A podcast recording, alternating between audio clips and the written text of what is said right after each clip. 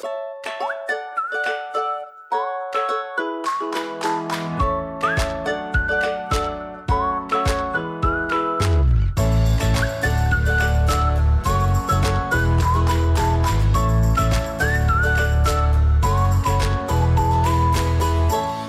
allemaal en welkom bij een nieuwe aflevering van de Wat ik wou dat ik wist podcast. De podcast waarin ik deel wat ik wel eerder had willen weten en verhalen vertel waar jij je hopelijk in herkent. Het is natuurlijk de week van Sinterklaas. Uh, als ik dit opneem was uh, gisteren zelfs Sinterklaas en ik denk dat heel veel mensen het afgelopen weekend hebben gevierd. Kerst komt er natuurlijk ook aan en dat deed me een beetje nadenken over hoe het voor mij was als kind om deze tijd te ervaren. Uh, ik zie het nu natuurlijk ook bij vriendinnen die ook kinderen hebben, of mijn broer en zus die kinderen hebben. Um, hoe zij omgaan met het hele kerst- en Sinterklaas verhaal en dat uitleggen aan kinderen. En het moment waarop je erachter komt dat Sinterklaas niet bestaat. Uh, allemaal van dat soort dingen. Dus um, ik vind dat wel een interessant gegeven. Waarom liegen we over Sinterklaas en over de kerstman richting kinderen. Dus daar wil ik het wat uitgebreider met je over hebben in het hoofdonderwerp van deze week. Die komt uh, verderop in de aflevering voorbij. Maar zoals altijd vertel ik jullie eerst even wat ik afgelopen week allemaal heb meegemaakt in een kleine terugblik.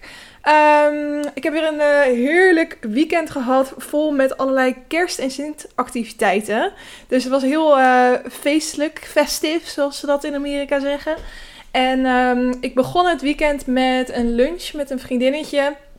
Zij, um, wij kennen elkaar al tien jaar, denk ik nu. En um, ik weet nog, toen ik, eigenlijk de dag dat ik verhuisde naar Amsterdam. En eigenlijk was dat Diemen, want ik ging verhuizen naar studentencampus in Diemen-Zuid. Dat is ook de dag dat ik haar uh, heb ontmoet. Want die campus die werd toen net afgeleverd. Die was net uh, omgebouwd. Het waren allemaal oude kantoren en het werd dus omgebouwd naar studentencampus. En er was echt één officiële inhuis, ja, in, verhuisdag voor iedereen die um, in mijn pand ging wonen. En dus ook iedereen die op mijn gang ging wonen. En uh, dit vriendinnetje die uh, woonde dus in mijn gang. Dus zij was op dezelfde dag als ik aan het inhuis. Dus wij hadden ons aan elkaar voorgesteld. En sindsdien zijn we eigenlijk vriendinnen. Uh, inmiddels wonen we dus allebei al lang niet meer op die campus en hebben we allebei meerdere huizen gehad in, uh, of uh, huurhuizen uiteraard, bewoond in Amsterdam. Um, en spreken we denk ik zeker één keer per maand wel even af om bij het kletsen en te lunchen. En um, ja, dit was, dit was eigenlijk de laatste lunch in Amsterdam. Of in ieder geval een lunch waarbij we allebei in Amsterdam wonen, want zij gaat verhuizen. En dat is iets wat ik nu uh, steeds vaker om me heen begint te zien. Dat nu kom ik op een leeftijd waarbij mensen eigenlijk hun twintig jaren doorgeroust hebben in Amsterdam. En nu zoiets hebben van oké, uh, de volgende fase staat te wachten. En wil ik dat hier in Amsterdam gaan doen of niet? Ik wil een huis kopen, maar vind ik het wel waard wat ik hier voor mijn geld kan krijgen? Ik wil kinderen krijgen, maar wil ik die wel in de grote stad laten opgroeien? Dat zijn allemaal dingen waar je dan natuurlijk over na moet gaan denken. En um, nou ja, zij hebben dus besloten om uh, in een dorpje vlakbij Zwolle te gaan wonen, want daar woont ook zijn familie weer. En ze hebben een huis gekocht en dat uh, zijn ze aan het verbouwen geweest afgelopen jaar. En um, nou, volgende week gaan ze verhuizen. Dus um, voor haar is dat ook, zij heeft eigenlijk hetzelfde gevoel wat ik heb met Amsterdam. Dat het gewoon een stad is die ons allebei heel veel energie geeft, die ons heel veel mogelijkheden biedt, die ons heel veel heeft gebracht in de afgelopen tien jaar. Um, ja, en waar ons hart toch ook wel een beetje ligt. Dus het is, uh, ik snap helemaal hoe zij zich voelde dat zij de stad nu moet verlaten. Tussen aanhalingstekens moet natuurlijk. Maar goed, als de omstandigheden anders waren geweest, dan had ze misschien nog wel iets in Amsterdam willen kopen. Maar um, dat zit er nu gewoon echt niet in. Dus ja, dat, dat was een hele gekke situatie, omdat je zo gewend aan bent geraakt dat je elkaar heel makkelijk op kan zoeken. En dat zal nu een stuk moeilijker gaan worden. En um, ja, het is natuurlijk ook iets waar wij over nadenken. Van wij willen ook op een gegeven moment een huis gaan kopen. willen ook in de verre toekomst een keer kinderen. Hoe ga je dat dan doen? Blijf je dan in Amsterdam, ja of nee? Dus het gaat ook bij ons dan wel weer dat we erover na aan het denken zijn uh, wat we precies willen gaan doen. Mochten we daar iets over beslissen, dan horen jullie dat uiteraard en neem ik jullie daar helemaal in mee. Maar dat uh, hebben we nu nog niet. Dus um, ja, het is, dat, dat vond ik wel een dingetje. En ik had een heel hele kaart voor haar gemaakt met allemaal foto's van ons tweeën van de afgelopen jaren. Dus uh, nou, dat vond ze ook wel heel erg leuk. Wat ik afgelopen week ook gedaan heb, is de kerstboom opzetten. Ik weet, het was eigenlijk afgelopen maandag Sinterklaas. En het liefst zet ik altijd de boom pas na Sinterklaas op. Maar ja, dat was gewoon net onhandig. Ik wilde hem wel eigenlijk afgelopen weekend toch al neerzetten. Dus zaterdag zijn we een boom gaan halen en uh, hebben die opgezet. En ja, we hebben nu al helemaal een soort van werkwijze. Niels die zet de boom neer en die tilt hem helemaal naar boven. Uh, we doen samen de lampjes en de versiering doe ik daarna zelf. Want dat vindt, daar vindt hij niks aan en vind ik heel leuk. Dus uh, ik moet zeggen, nu die er staat, vind ik het echt weer zo gezellig. Als je dan s ochtends de woonkamer inkomt en hem aanzet, dan is gewoon instant sfeer. En um, het doet natuurlijk ook wel een beetje pijn, omdat je denkt, dit zuigt echt uh, onze energierekening. maar ik heb het er echt voor over, want ik vind het zo ontzettend gezellig. En toch blij dat we hem afgelopen weekend al op hebben gezet. En op zondag hebben we Sinterklaas gevierd met de familie van mijn vriend. En um, daar zit één klein kindje van één jaar in de familie. Maar die heeft natuurlijk nog geen idee wat er allemaal gaande is. Die snapt er nog niks van. Uh, die had wel een cadeautje waar ze dan papier vanaf kon scheuren. En dat vond ze heel erg leuk. Maar voor de rest um, hebben we het vooral met de volwassenen gevierd. We hadden loodjes getrokken. En um, ik had het loodje van, uh, van Nielse oma. En daar had ik ook een klein gedichtje bij geschreven. We hadden gewoon voor 15 euro cadeaus gedaan. En dan om en om pakken. En um, nou, het was vooral gewoon heel erg gezellig. En uh, ik heb een borrelplank gekregen en martini glazen. Want een tijdje geleden ging ik espresso martinis maken. Volgens mij heb ik dat ook benoemd in de podcast. En, uh, want ik had toen een heel lekker recept wat ik ook gedeeld heb. Maar ik moest dat toen in wijnglazen serveren. Nou, dat vind ik eigenlijk echt niet kunnen. Als het dat in een restaurant zou gebeuren, zou ik het bijna terug willen sturen. Dus ik vond gewoon dat ik die martini glazen moest hebben. Dus dat had ik op mijn lijst gezet. En een grote borrelplank. Want wij hebben eigenlijk vooral snijplanken. Houten snijplanken waarop ik dan wel eens uh, borrelhapjes serveer. Maar ik wilde gewoon wel eigenlijk een mooie. Dus uh, dat vond ik wel twee hele leuke dingen om te krijgen. En um, ja, heel gezellig gehad. Gewoon heel veel gesnackt ook weer. Al die Sinterklaas hapjes en dingen. Maar uh, het was wel heel erg lekker. En het was het uiteraard dubbel en dwars waard. Ik ben benieuwd of jij ook Sinterklaas hebt gevierd en in wat voor vorm. Um, ik vind het namelijk ook heel erg grappig om straks weer, als er meer kleine kinderen in de familie zijn, om dan echt met Sinterklaas, die dan binnenkomt stormen met pieten en zo. Er is altijd een soort gekke overgangsfase tussen toen je zelf nog kind was, dat ze langskwamen en je erin geloofde. Uh, en dan heb je een tijd helemaal niet. En dan komen er weer kinderen in de familie. En dan ben jij dus de generatie die weet dat het allemaal nep is, dus aanhalingstekens. En uh, dan kan je er denk ik op een hele andere manier weer heel erg van genieten. Dat je dan die schrik in de ogen van die kinderen ziet als er opeens Sinterklaas en Pieter binnenkomen rennen. Dat lijkt me ook gewoon heel erg grappig. Dus toen ik al die stories op Instagram voorbij zag gekomen van mensen die dus zo'n Sint in huis hadden, toen dacht ik, oh, dat lijkt me ook wel weer heel grappig, omdat je natuurlijk waarschijnlijk ook diegene kent die dan in dat pak zit. dus um, ja, ben benieuwd hoe jij het gevierd hebt. Laat me dat zeker eventjes weten. Ik vind het altijd gezellig om met jullie te kletsen in de DM's.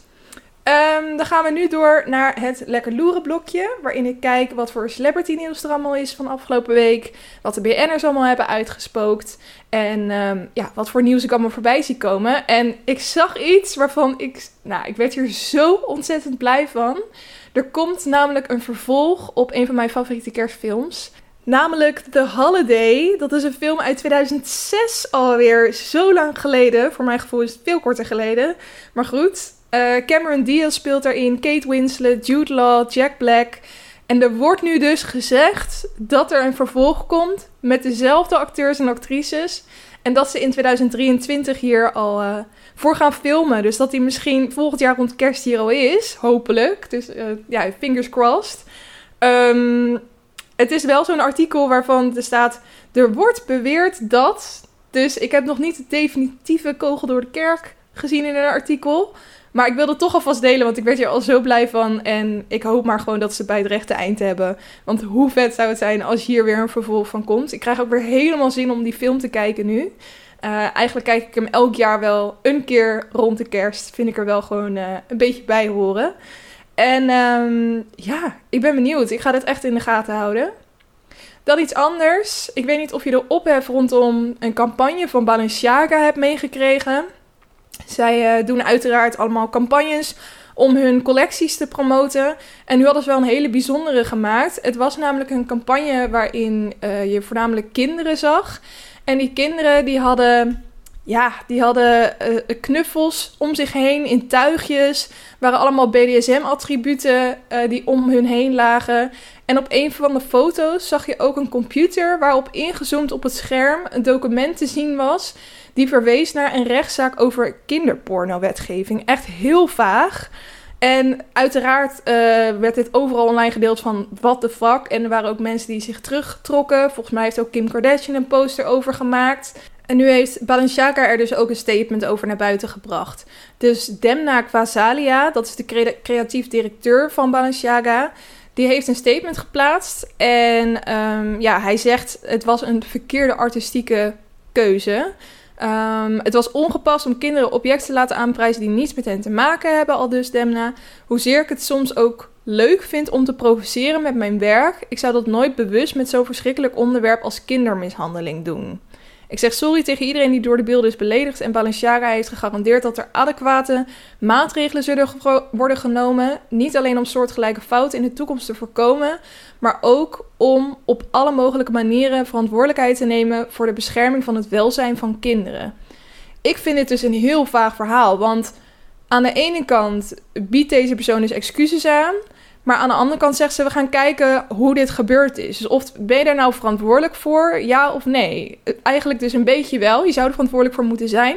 Maar het is gewoon ergens tussendoor geglipt. En ik snap niet hoe het ergens tussendoor kan glippen. Want ik ben wel gewend, uh, als ik met grote bedrijven werk, waar campagnes zijn, dat er echt heel veel mensen meekijken naar die visuals en wat er uiteindelijk naar buiten gebracht gaat worden. Dus ik kan me niet voorstellen dat zo'n miljoenen, misschien wel miljarden bedrijf als Balenciaga, dat daar niet eventjes 10.000 keer wordt gecheckt of dat soort beelden wel precies is ja, wat zij ook uit willen dragen. En ook dit statement, dat gaat dan heel erg over van ja, we gaan ook geld geven aan de bescherming van het welzijn van kinderen. Ja, hartstikke leuk, maar wat ik interessanter zou vinden is waar is het precies misgegaan en leg dat dan uit, weet je wel? Eh, of zeg gewoon van echt super stom. We hebben een heel raar systeem waarbij, op de manier waarop wij zeg maar, beelden controleren. Dit is langs ons heen gegaan, maar dit en dit gaan we doen om dat in de toekomst te voorkomen. Ehm, waarschijnlijk willen ze die informatie dus gewoon niet naar buiten brengen. Maar voor mij voelt dit dan een beetje ja, fake of zo. Dat je dan helemaal excuses gaat geven voor iets waarvan je eigenlijk niet vindt dat je zelf verantwoordelijk bent. Dat hou ik er in ieder geval een beetje uit. Um, maar goed, het is ook wel. Uh, de, campagne is trouwens nu offline. Um, en ze gaan dus juridische stappen nemen tegen de mensen die verantwoordelijk zijn voor de set van de fotoshoot. Ook wat ik dacht eerst nog van: oké, ik kan me voorstellen dat je uh, hebt gedacht van kinderen en BSM combineren provocerend. Um, daar, daar, smaak valt te twisten. Maar goed, hè, dat, het, dat zeiden. Alleen dat, dat hele specifieke detail van een computer in beeld... die gaat over kinderporno-wetgeving. Hoe kom je daarbij om dat in een beeld te verwerken? Ik snap het gewoon niet en ik ben gewoon heel erg nieuwsgierig naar hoe dit is gegaan. En daar zeggen ze dus eigenlijk niks over. Dus voor mij geeft dit eigenlijk weinig voldoening, zo'n statement. Maar wie weet komt er in de toekomst nog iets uh, over naar buiten. Uh, en dan nog iets anders. Kanye West, die is ook weer bezig. Niet normaal. Uh, ik zou hem in principe elke week wel mee kunnen nemen in het lekker loeren blokje, omdat hij elke week wel domme dingen doet en zegt. Um, maar het gaat steeds verder en verder dat nu zelfs de president van Amerika heeft gereageerd. Want wat is er gebeurd? Kanye die was afgelopen donderdag in een, um, ja, had hij een interview met een extreemrechts platform genaamd Infowars. En daarin heeft hij dus gezegd dat Adolf Hitler tussen aanhalingstekens goede dingen heeft gedaan en dat men moet stoppen met het beledigen van de nazi's.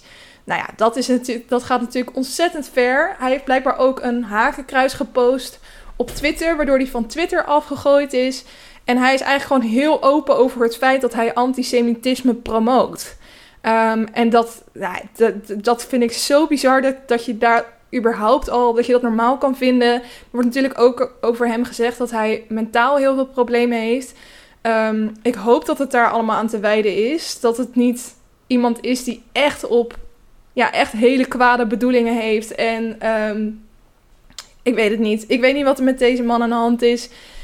Ik probeer altijd het beste van mensen in te zien, maar het is soms wel moeilijk als ze een hele groep mensen um, haatgevoelens uh, doen oproepen, zeg maar. Ik, denk, ik kan me voorstellen dat als zo'n groot figuur dit soort dingen noemt, dat dat ook weer bepaalde gevoelens bij mensen kan doen oplaaien. En dat is natuurlijk wel heel erg gevaarlijk. Nou, dat is waarschijnlijk ook waarom president Biden dacht: ik moet hier iets mee. Dus hij heeft uh, iets op Twitter geplaatst, een statement. Uh, hij zegt: I just want to make a few things clear. The Holocaust happened. Hitler was a demonic figure. And instead of giving it a platform, our political leaders should be calling out and rejecting anti Semitism wherever it hides. Silence is complicity. Dus nou ja, hij benoemt daar niet specifiek Kanye West, maar het is overduidelijk dat hij het natuurlijk hierover heeft. En um, ik vind het wel sterk dat hij zo'n statement naar buiten heeft gebracht, dat hij hierop heeft uh, gereageerd, want het heeft denk ik wel heel veel mensen bereikt. En um, nou ja, zoals ik al zei, dat kan denk ik best wel gevaarlijk zijn. Um, zoals ik al zei, hij is dus ook van Twitter afgegooid. Elon Musk die heeft er zelf over gezegd van hij heeft gewoon opnieuw de regels met betrekking tot het aanzetten van uh, het aanzetten tot geweld geschonden en dat accepteren we niet. Ja, en er zijn dus heel veel mensen die um, zeggen dat hij kampt met een bipolaire stoornis, dat hij een ernstige zenuwinzinking heeft.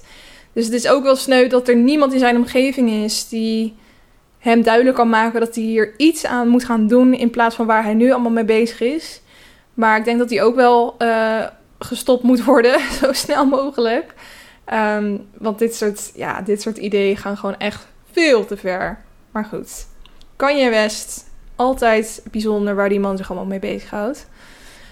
Um, dat was het uh, Lekker Loeren blokje. Dan gaan we door naar het Lekker Leven blokje, waarin ik allerlei tips geef om jouw leven leuker en lekkerder te maken. Uh, ik wil beginnen met twee kijktips. Ik heb namelijk gisteren de documentaire van Jonah Hill op Netflix gekeken.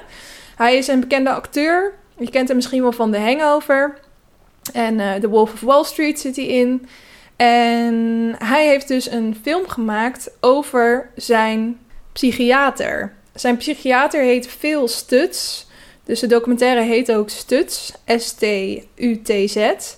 En um, ja, de reden dat hij dit wilde maken is omdat hij zelf hele goede ervaringen heeft met deze psychiater. En die Stutz die heeft hem ook heel veel tools gegeven om om te gaan met mentale problemen. Die hij heel, ja, heel goed vond helpen. En hij wil eigenlijk dat veel meer mensen kunnen, ja, gebruik kunnen maken van die tools die hij heeft ontvangen. Um, dus het is, het is deels echt gewoon de kennis die Stuts heeft en uh, de, de, echt de verschillende tools die hij heeft, die worden toegelicht. Um, ook met tekeningen van Stuts zelf. En ik heb een beetje hetzelfde idee als toen ik... Dat is misschien een rare vergelijking, maar toen ik filosofieles kreeg op de middelbare school... toen had mijn docent ook altijd tekeningen. Want je hebt dan best wel abstracte ideeën die uh, door filosofen ja, uitgelegd proberen te worden. En soms dan vind je dat gewoon echt te ver... Staat het te ver van je af om er een soort begrip van te krijgen. En wat mijn docent dus altijd heel goed deed, is dat hij op een bord een tekening ervan maakte. Waardoor je opeens dacht van wow, dit is echt zoveel logischer uh, dan ik in eerste instantie dacht. En dat had ik dus ook met al die ideeën die, die veel studies uitlegden. Uh, aan de hand van die tekeningen dacht je, oh, hier kan ik ook echt wat mee. Als ik dit gewoon precies op de manier waarop hij nu zegt zou doorlopen, dan kom je gewoon, nou ja, makkelijk wil ik niet zeggen, maar weet je precies hoe je door blokkades heen kan komen.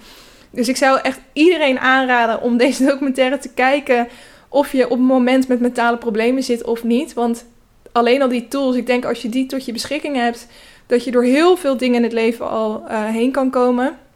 Maar daarnaast ging de documentaire ook over hoe, hij, hoe deze man psychiater is geworden, uit wat voor nest hij komt, wat de relatie tot zijn eigen moeder voor invloed heeft gehad op het werk wat hij nu doet. Uh, maar wat ook interessant is, Jonah Hill die probeert niet te veel van, over zichzelf te hebben en over um, de problemen die hij in sessies met veel studs bespreekt. Omdat hij vindt dat de film echt over die film moet gaan. Maar um, er komen ook wel stukjes in voor waarin hij er toch iets meer over vertelt. Over het verlies van zijn broer. Zit ook een therapiesessie in samen met zijn moeder. Um, dus je krijgt ook wel een beetje mee met hoe het in zijn hoofd aan toe gaat. Eh, en ik denk dat dat ook wel iets is wat veel mensen boeit. En ehm, het is vooral gewoon een hele eerlijke documentaire. En daar hou ik wel heel erg van. Ik zal niet helemaal prijsgeven wat er gebeurt. Maar op een gegeven moment gebeurt er wel iets waarvan je denkt: oh, dit is wel heel echt nu. Ehm, dus ik zou hem zeker aanraden. Ik zag ook al dat hij door veel mensen die ik ken getipt werd. Dat is ook de reden dat ik hem zelf ging kijken. Maar hierbij tip ik hem dus ook aan jou. Dan wil ik nog een Netflix film tippen. En dat is Lady Chatterley's Lover. En dit is, uh, ja, doet mij gewoon heel erg denken aan zo'n boeketroman roman boekje, weet je wel, maar dan in filmversie. Het gaat namelijk over een, uh, een vrouw. Ik denk dat het in de jaren 40 afspeelt, want er is ook een oorlog gaande. Um, speelt zich af in Engeland en zij komt dan een, uh, een man tegen waar ze verliefd op wordt. En hij gaat echt de volgende dag na hun bruiloft um, ja, in dienst. Dus dan ziet ze hem een hele tijd niet. En als hij terugkomt van de oorlog, dan heeft hij, uh, uh, is hij verlamd. Dus ze gaan dan verhuizen naar het platteland, want hij heeft uh, wel heel veel geld. Dus ze komen op een, in een heel mooi groot huis te wonen. En zij moet hem verzorgen. Um, maar ze merkt eigenlijk dat ze steeds meer zijn verzorger wordt in plaats van zijn liefde. En ook dat op, op seksueel gebied is er weinig meer mogelijk. En um, ja, hij heeft ook wel zoiets van: ik zou gewoon heel graag een erfgenaam willen. En hij noemt dan een keertje van: ik zou het denk niet eens zo erg vinden als jij met een andere man seks zou hebben. Als dat, als dat zou betekenen dat we dan wel een erfgenaam hebben. Um, en ik wil natuurlijk niet weten van wie het is. En um, ik wil ook dat wij hem met z'n tweeën opvoeden. maar ik zou dat er wel voor over hebben. Nou, daar is eerst, eerst natuurlijk heel boos over. Want wat fuck, hoezo vraag je mij om met een andere man seks te hebben?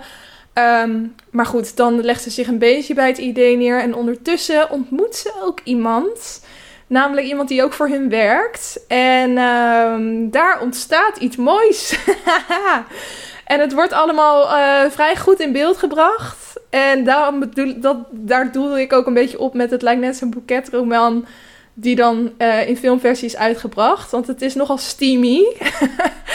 Maar um, het, is, ja, het is wel een heerlijk uh, verhaal. En ook hoe het in beeld is gebracht. Ik vind films uit die tijd altijd wel heel nice om, om te zien.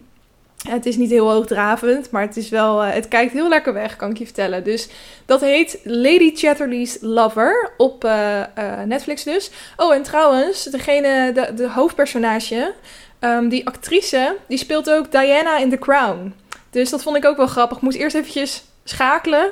Um, om, om dan niet meer die actrice te koppelen aan die rol van Diana. Maar toen ik daar eenmaal overheen was, uh, ja, ik vind haar wel een hele goede actrice. Dus ik um, ben benieuwd of ze nu ook vaker in Netflix dingen terug gaat komen. Dat zie je vaak wel gebeuren. En tot slot wil ik nog een doetip geven. Ik heb namelijk nog iets gedaan afgelopen weekend. Ik ben naar het Amsterdamse winterterras geweest. In de Westergas. In... Uh, uh, het Westerpark. In het Westerpark zit dat. En dat is eigenlijk, ja, de naam zegt het al een beetje. Het is een terras, maar dan voor de winter, dus oftewel binnen.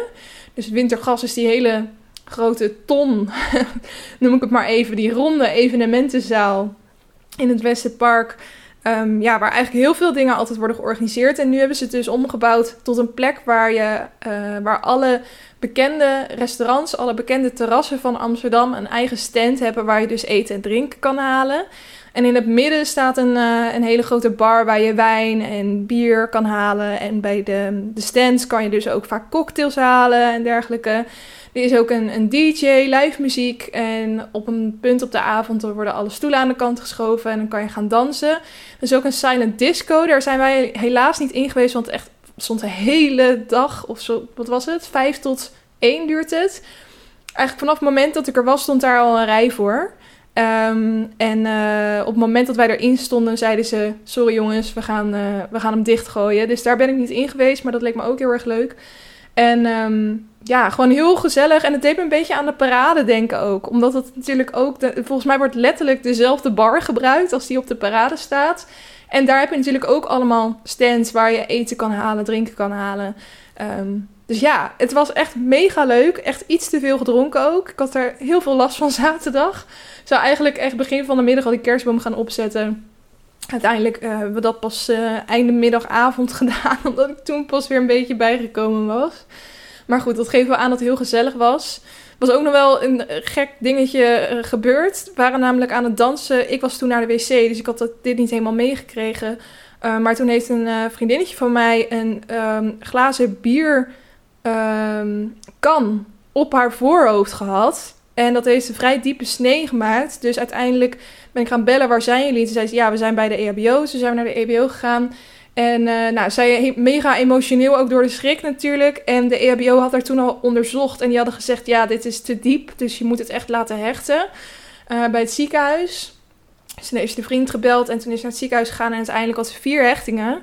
Um, maar we weten dus ook niet wie er zo gestoord is geweest om een bierkan door het publiek heen te gooien.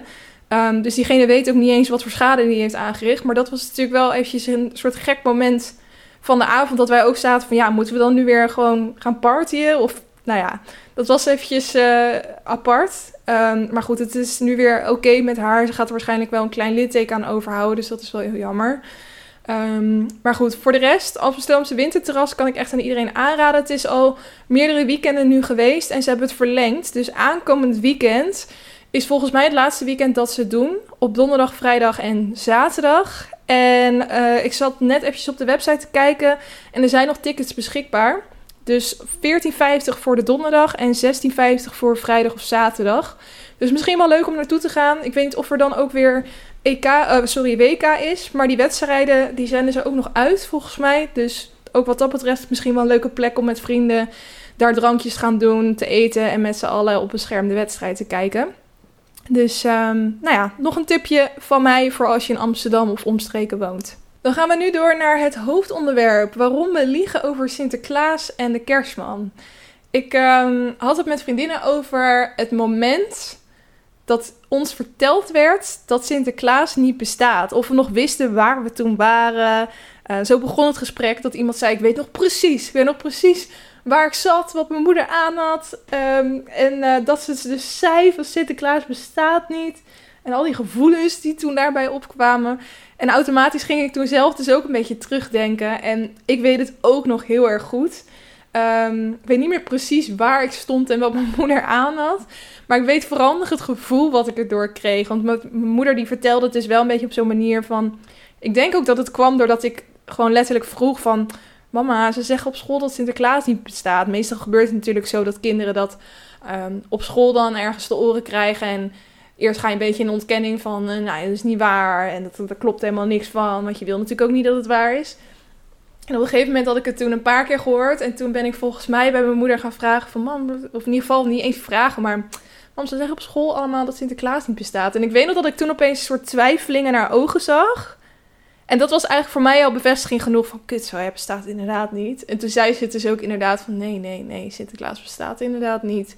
Nou, toen kwam natuurlijk echt een enorm vragenvuur op haar af. Van hoe zit dit dan? Hoe zit dat dan? Ja, dat zijn allemaal mama en papa geweest. en ik was echt boos. Ik was zo boos. Echt niet normaal. Ik, ik, ik voelde me gewoon heel erg bedrogen. Dat ik echt, het voelde ook alsof het, het was soort heel iets positiefs. En dat, dat, zij, dat zij dat dan op dat moment van mij afnamen. Dus het was niet eens dat ik boos was dat ze erover gelogen hadden. Het was ook dat ik gewoon een beetje boos was dat het dan dus ook voorbij was daarmee.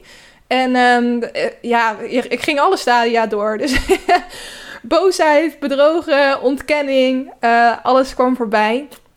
En um, ik weet ook nog dat ik heel um, pontificaal mijn schoen bleef zetten. Omdat ik gewoon niet wilde dat het voorbij was. En het boeide me dan ook niet dat ik dan wist. Dus dat mijn ouders er dan wat in deden. Ik dacht, ja, dit, ik vind dit te leuk. Ik blijf dit gewoon doen. En elke ochtend kwam ik dan weer beneden en zat er niks in. Voor mijn ouders was het ook gewoon wel echt klaar. Op het moment dat ze hadden gezegd dat, het, dat Sinterklaas niet bestond, was het gewoon voorbij. Um, dus uh, ja, dat, dat, dat vond ik gewoon heel pijnlijk. Dat weet ik nog.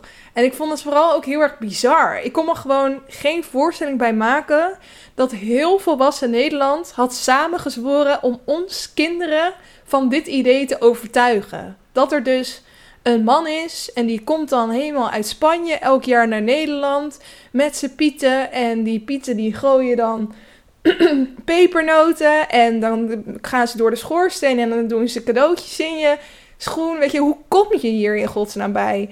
Dus ik vond het gewoon ook een beetje te ver gezocht. Dat ik dacht, ja, oké, het, is, het is misschien onwerkelijk dat dit allemaal echt gebeurt. Maar het is nog onwerkelijker dat heel volwassen Nederland met elkaar heeft besloten dat ze kinderen dit idee gaan vertellen. En maar doen alsof dit echt zo is.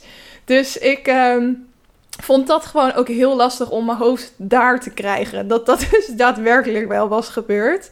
Uh, en uh, ik was er aan de andere kant dus ook wel weer heel erg dankbaar. Want ik had er wel ontzettend leuke herinneringen aan. En ik vond het ook wel weer iets grappigs dat ze dat dus allemaal voor ons hadden gedaan. Puur en alleen om ja, kinderen een soort stukje blijdschap te geven en cadeautjes. En ja, ik vond het ook wel weer iets heel leuks. En uh, wij zijn natuurlijk ook niet de enige die dat doen in Nederland. Je hebt in heel veel landen dat je iets soortgelijks hebt. In Amerika heb je natuurlijk de kerstman. Ook die komt dan zogenaamd door de schoorsteen heen. Dan hangen er meestal van die sokken aan de mantel waar dan cadeautjes in worden gedaan. Ik zie nu op TikTok ook heel veel uh, naughty elves voorbij komen. Dus de kerstman die heeft geen pieten natuurlijk, maar die heeft dan weer elfjes. En um, in sommige huizen hebben ze dan een knuffeltje van een elf staan. En dat is dan dus de Naughty Elf on the Shelf. Ik weet niet of je wel eens van dit concept hebt gehoord. Maar um, het idee is dus dat je tegen je kinderen dan zegt dat die elf, um, ja, dat, dat die allerlei gekke dingen uithaalt. Dat die een beetje stout is. Dus ik zie nu wel eens van die TikToks voorbij komen van.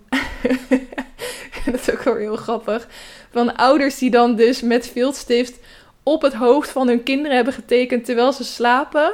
En dan zetten ze dan die knuffel van die elf op hun, um, naast hun bed met een stift in zijn handen. En als ze dan dus wakker worden, dan zeggen ze: oh, Wat zit er nou op je gezicht? Moet je eens kijken in de spiegel. En dan zijn ze helemaal: Huh, hoezo zit er een bril getekend op mijn gezicht? En dan zeggen die ouders dus: Nou, moet je nou kijken, staat hier een knuffel van een elf. Kijk, hij heeft een stift in zijn handen. Dat doen ze dus alsof die elf dat heeft gedaan. En dan zie je die kinderen ook helemaal boos worden van... Oh, naughty elf! It's such a naughty elf! ik vind op zich wel een idee om die ook naar Nederland te halen. Vind ik wel heel erg grappig.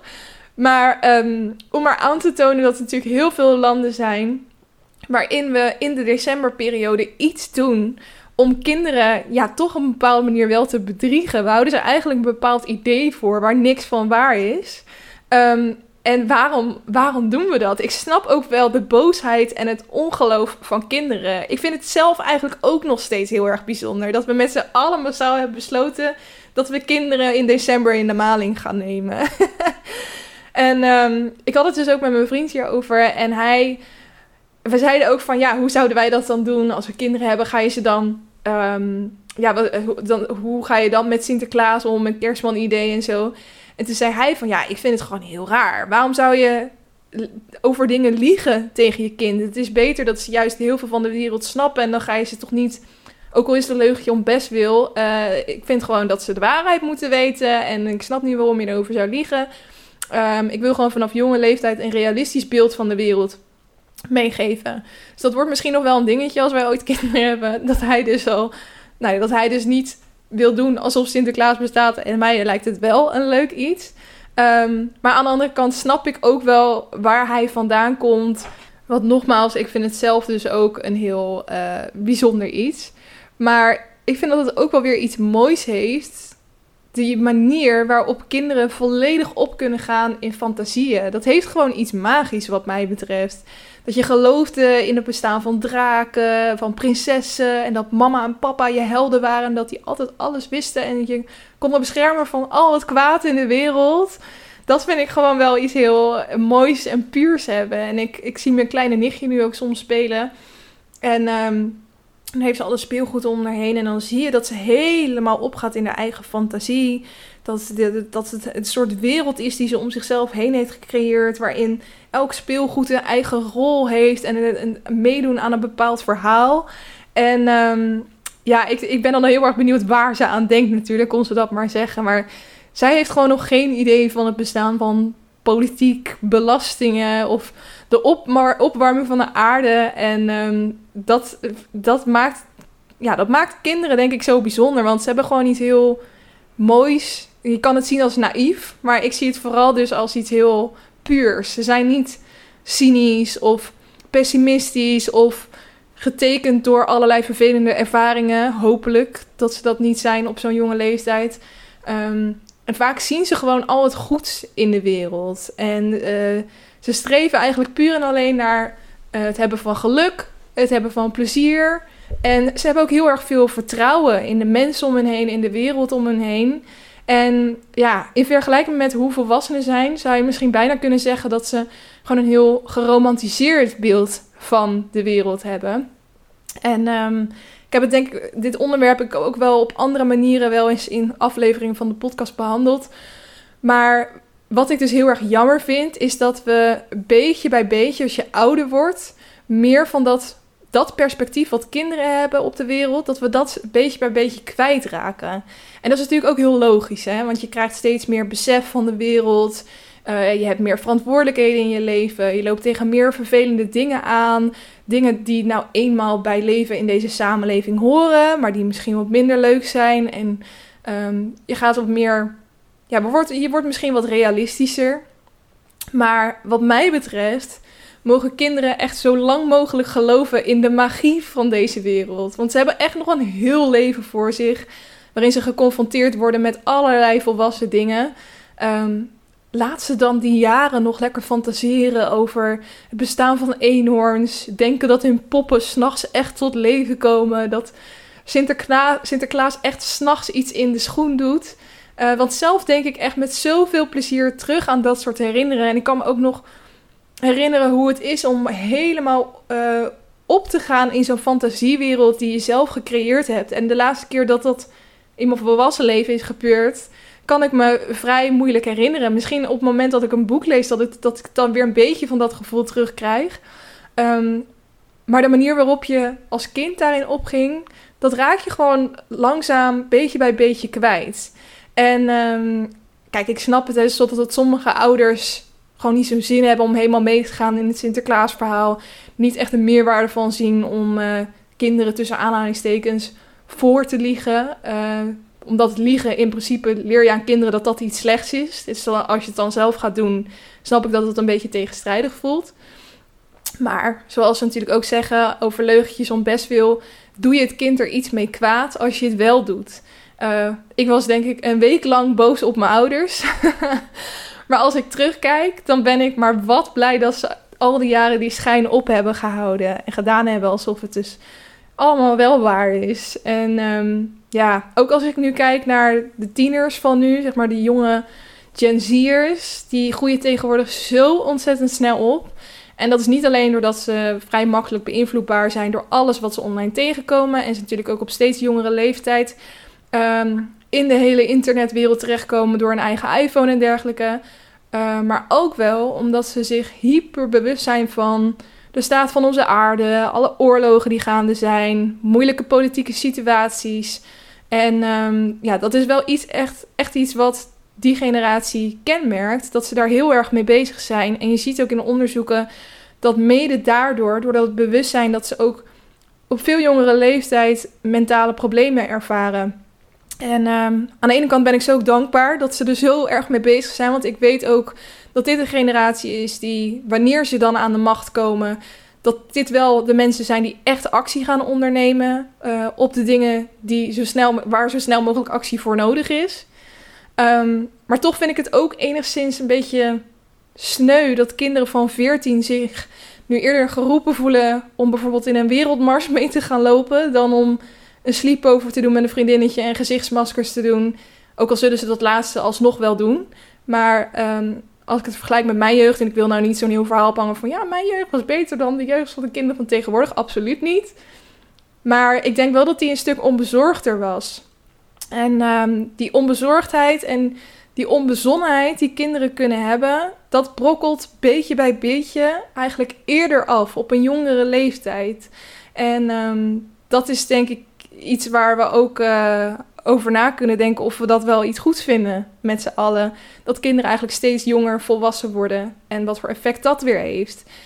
En als ik er dan op die manier over nadenk, dan denk ik ja, een leugentje om best wil over het bestaan van de Sint of het bestaan van de kerstman. Het is misschien maar een klein dingetje, maar misschien kan ze het wel net iets langer dat echt gevoel van kind zijn bezorgen en dat langere tijd behouden. En dat is waarom ik uh, dus wel zou liegen over Sinterklaas en de kerstman. Dus um, ik ben benieuwd hoe jij over dit onderwerp denkt. Uh, misschien heb je kinderen, misschien ben je nog kind. misschien, dan misschien heb ik het nu verklapt aan iemand. Oh, oh nee, ik weet dat ik wel iets oudere luisteraars heb dan dat.